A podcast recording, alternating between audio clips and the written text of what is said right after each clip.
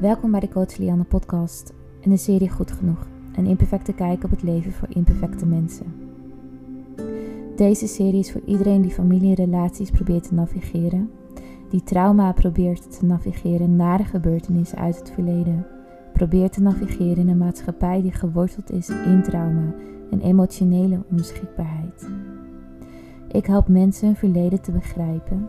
Ik zet hen in hun kracht en leer hen te vertrouwen op het feit dat zij nieuwe skills kunnen aanleren om oude patronen te doorbreken. Om hun zenuwstelsel en hun brein van traumasymptomen te helen, zodat zij nieuwe patronen kunnen creëren die constructief zijn en niet alleen voor zichzelf, maar ook voor de generatie die na hen komt. Onze familiepatronen eindigen niet op miraculeuze wijze bij onze achttiende. Trauma hield zichzelf niet. Traumasymptomen gaan niet zomaar weg. De tijd hield niet alle wonden. Maar weet dat het nooit te laat is om opnieuw te beginnen. Je bent niet alleen. Je bent niet alleen in jouw drama, in de pijn die je op dagelijkse basis ervaart de emoties die je moeilijk vindt om te verwerken. En weet dat jouw familie, jouw verleden en jouw trauma jou niet definiëren.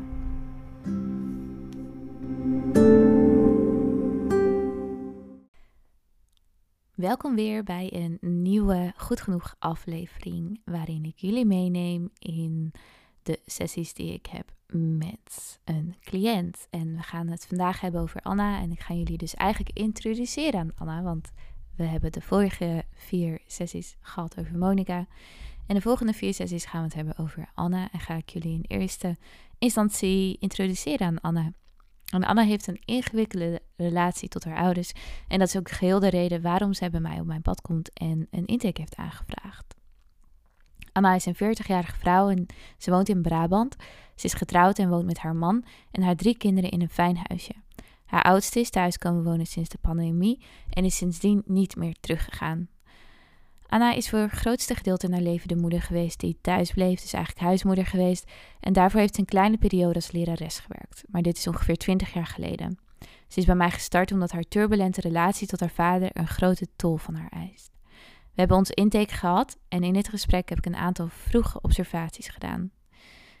De eerste observatie is in een hele korte tijd, een intake duurt ongeveer 30 minuten, soms iets korter, heeft ze problemen gedeeld van 20 jaar lang. Ze nam bijna geen tijd om te ademen in de kal en ik heb bijna niet gesproken. Ik denk dat Anne niet goed, niet genoeg gezonde mogelijkheden heeft om zichzelf te uiten bij andere mensen. Ik dacht zelfs dat ik bijna de enige was die haar liet spreken zonder haar te onderbreken. De volgende observatie is, die ik heb gedaan is dat Anna haar gevoelens een hele lange tijd heeft onderdrukt. Ze deelt verhalen die twintig jaar geleden zijn gebeurd en ze heeft nu door heel veel invloed van buitenaf, of misschien realiseerde zich dit letterlijk nu pas, dat deze ontzettend veel invloed hebben op haar en op haar huidige leven.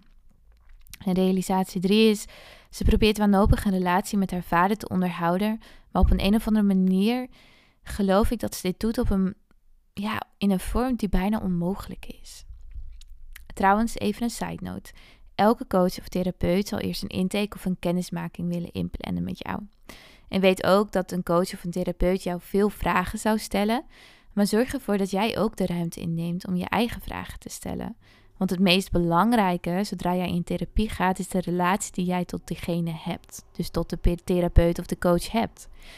In een onderzoek komt naar voren dat de skills en de opleidingen van een coach of een therapeut niet het belangrijkste zijn. Het is juist de klik, het gevoel en de relatie, relatie die jij met de coach of de therapeut opbouwt, die ervoor zorgt dat heling en de hulpvraag waarbij je met iemand komt waar je in wilt helen juist mogelijk is. De veiligheid die je voelt, de ruimte die je voelt. Ik zal het onderzoek ook even linken in de show notes. Gebaseerd op wat Anne mij vertelt, geloof ik dat, haar dat ik haar zeker kan helpen. En zij voelt dit ook. Ik wil haar graag helpen met het uitvogelen van hoe zij haar behoeftes kan leren communiceren, hoe ze grenzen kan stellen, maar überhaupt ook hoe zij kan identificeren wat haar grenzen zijn als zij deze relatie met haar vader wilt voortzetten. We beslissen dat we voor de week daarna een eerste sessie inplannen. In de eerste sessie overleggen we haar geschiedenis, waar ze nu in vastloopt en haar doelen voor onze sessies en waar ze uiteindelijk wil staan.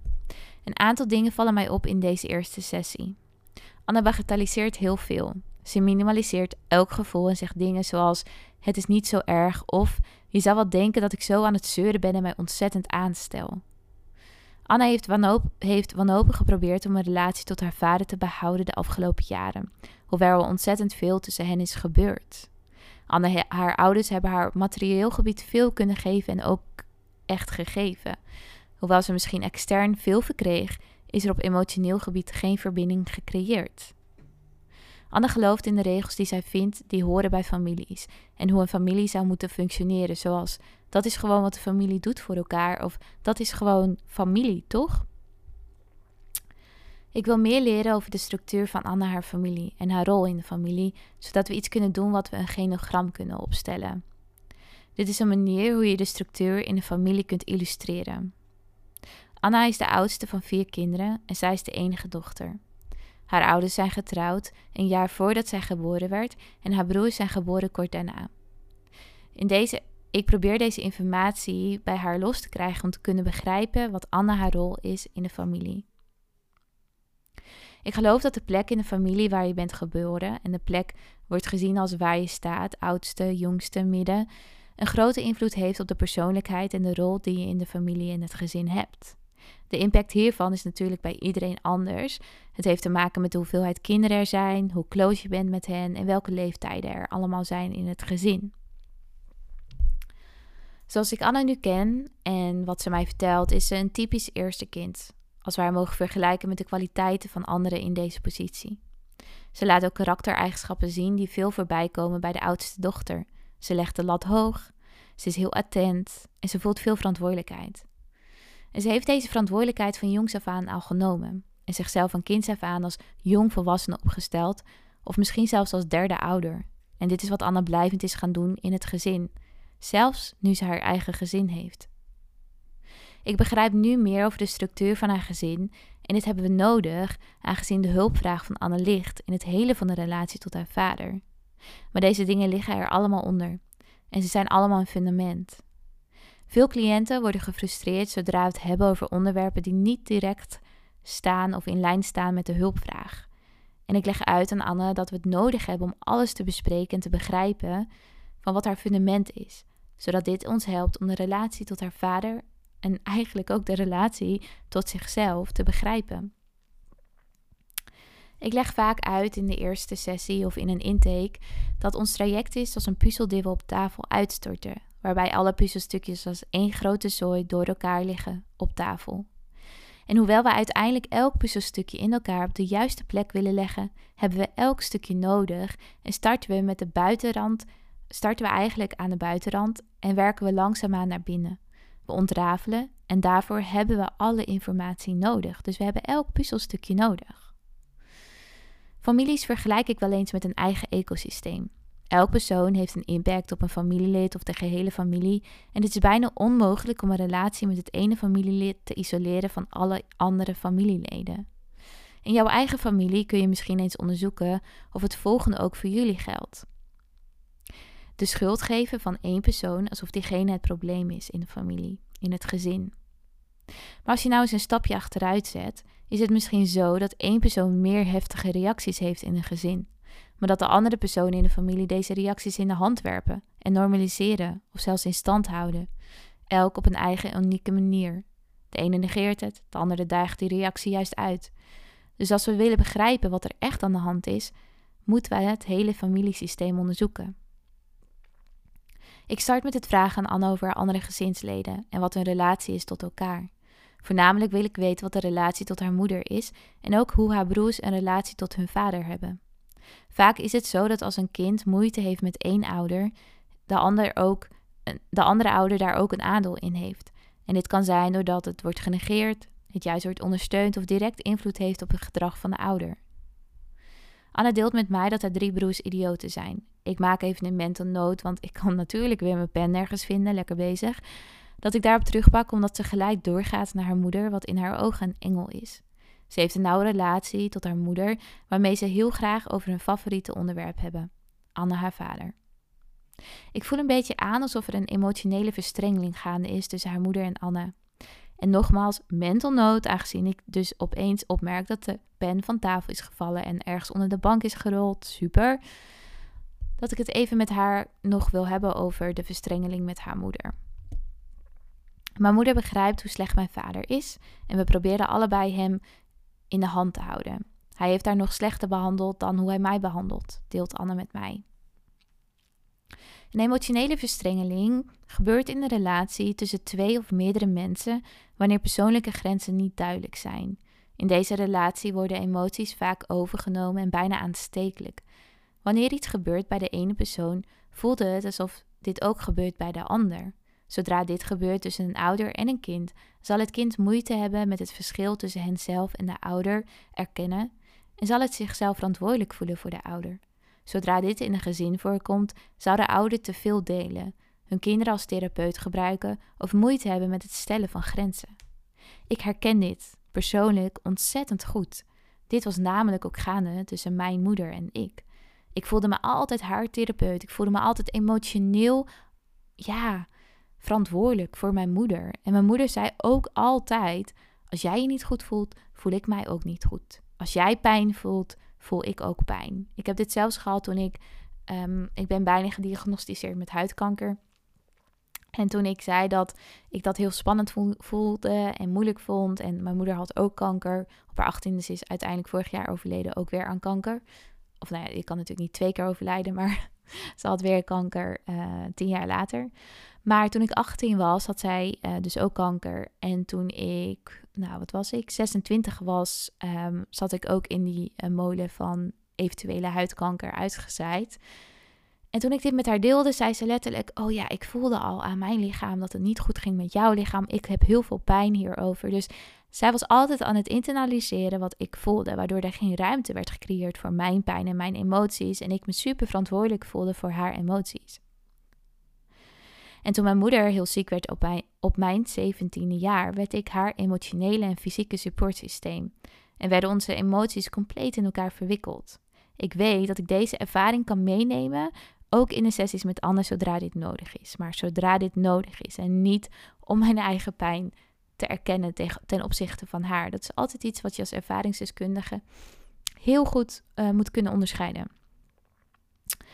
We komen aan het einde van onze eerste sessie en ik wil even een beetje duidelijkheid creëren voor mezelf over wat ik vandaag heb geleerd. Anne is de oudste van vier. Ze heeft drie idioten van broers. Haar relatie tot haar vader is geworteld in conflicten en het proberen vanuit oordelen om deze te helen. Anne, haar moeder, deelt veel met haar dochter over haar huwelijk en deze twee hebben een sterke band welke is gegroeid om het gedrag van haar vader te hanteren. Ik heb het nodig om meer te leren in de volgende sessies wat voor relatie Anna nu heeft met haar man en haar kinderen, omdat Anna het nodig heeft om dit ook te leren om uiteindelijk zichzelf te kunnen helen hierin. Zodra ik Anna vraag welke thema's en doelen ze graag wil aankaarten na deze sessie, wat is haar duidelijk geworden, deelt ze het volgende. Ze wil leren om grenzen aan te geven. Ze wil haar rol in haar gezin, en niet alleen haar eigen gezin, maar ook het gezin waar ze uitkomt, duidelijk hebben en weet wat voor invloed dit heeft op haar. Ze wil leren wat het is om tussen haar ouders in te staan, wat dit voor haar betekent.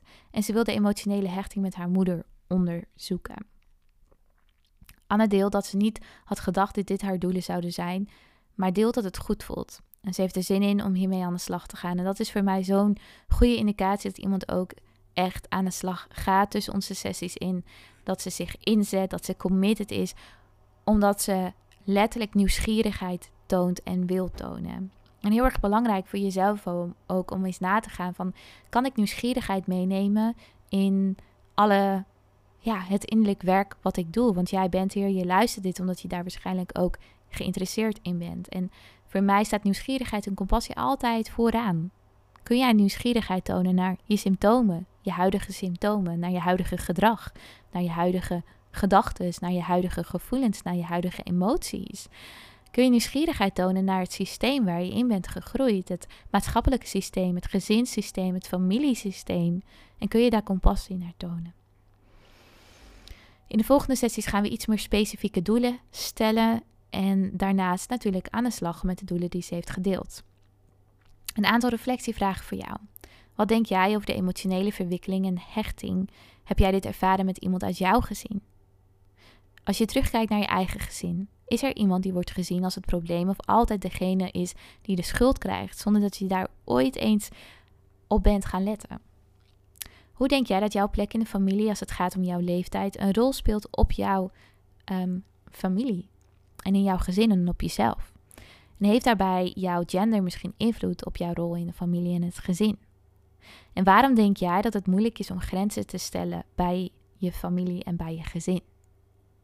Mocht je je antwoorden willen delen, dan mag je dit altijd even mailen naar info.lianneblacchiere.com. En mocht jij het liever willen lezen, dan kun je ook altijd inschrijven voor mijn goed genoeg mailinglijst, waarin je elke week deze cliënt struggle of deze cliëntsessie in je mailbox ontvangt. Daarnaast nog meerdere artikelen ontvangt, persoonlijke updates en updates over alle producten en uh, ja, nieuwe doelen voor mezelf die ik graag met jullie wil delen. Volgende week pakken we door op Anna haar tweede sessie. Heel veel lies en tot de volgende podcast.